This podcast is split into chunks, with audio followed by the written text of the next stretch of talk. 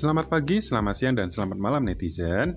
Berjumpa lagi dengan saya Perawat Dahlia 2. Pada kesempatan kali ini, saya akan menjelaskan terkait dengan manajemen nyeri. Kita mulai dari pengertian dari nyeri. Nyeri adalah suatu respon tubuh akan adanya trauma yang terjadi di suatu bagian tubuh.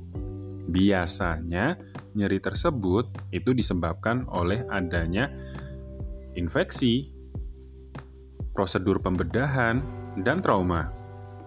Nyeri itu sangat mengganggu, terutama pada pasien.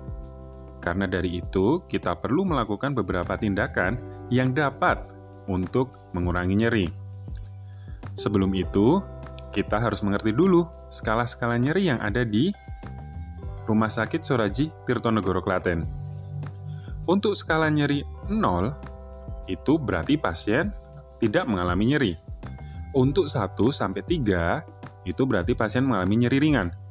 Biasanya, pasien masih bisa beraktivitas setiap hari, bisa diajak ngobrol, bisa untuk melakukan kegiatan secara mandiri. 4 sampai 6 itu adalah nyeri sedang. Berarti nyeri sudah sangat dirasakan oleh pasien untuk diajak ngobrol masih bisa pasiennya, tetapi untuk melakukan aktivitas sehari-hari agak terganggu. Makanya nyerinya antara 4 sampai 6. 7 sampai 10 itu nyerinya nyeri berat. Otomatis pasien akan mengalami nyeri yang sangat hebat. Biasanya pasien sudah tidak mampu untuk menahan nyeri tersebut.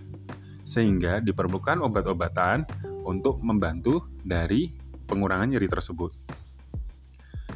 Pengurangan nyeri menggunakan teknik non-farmakologi bisa digunakan pada pasien yang mengalami nyeri dari angka rentang 1 sampai 3.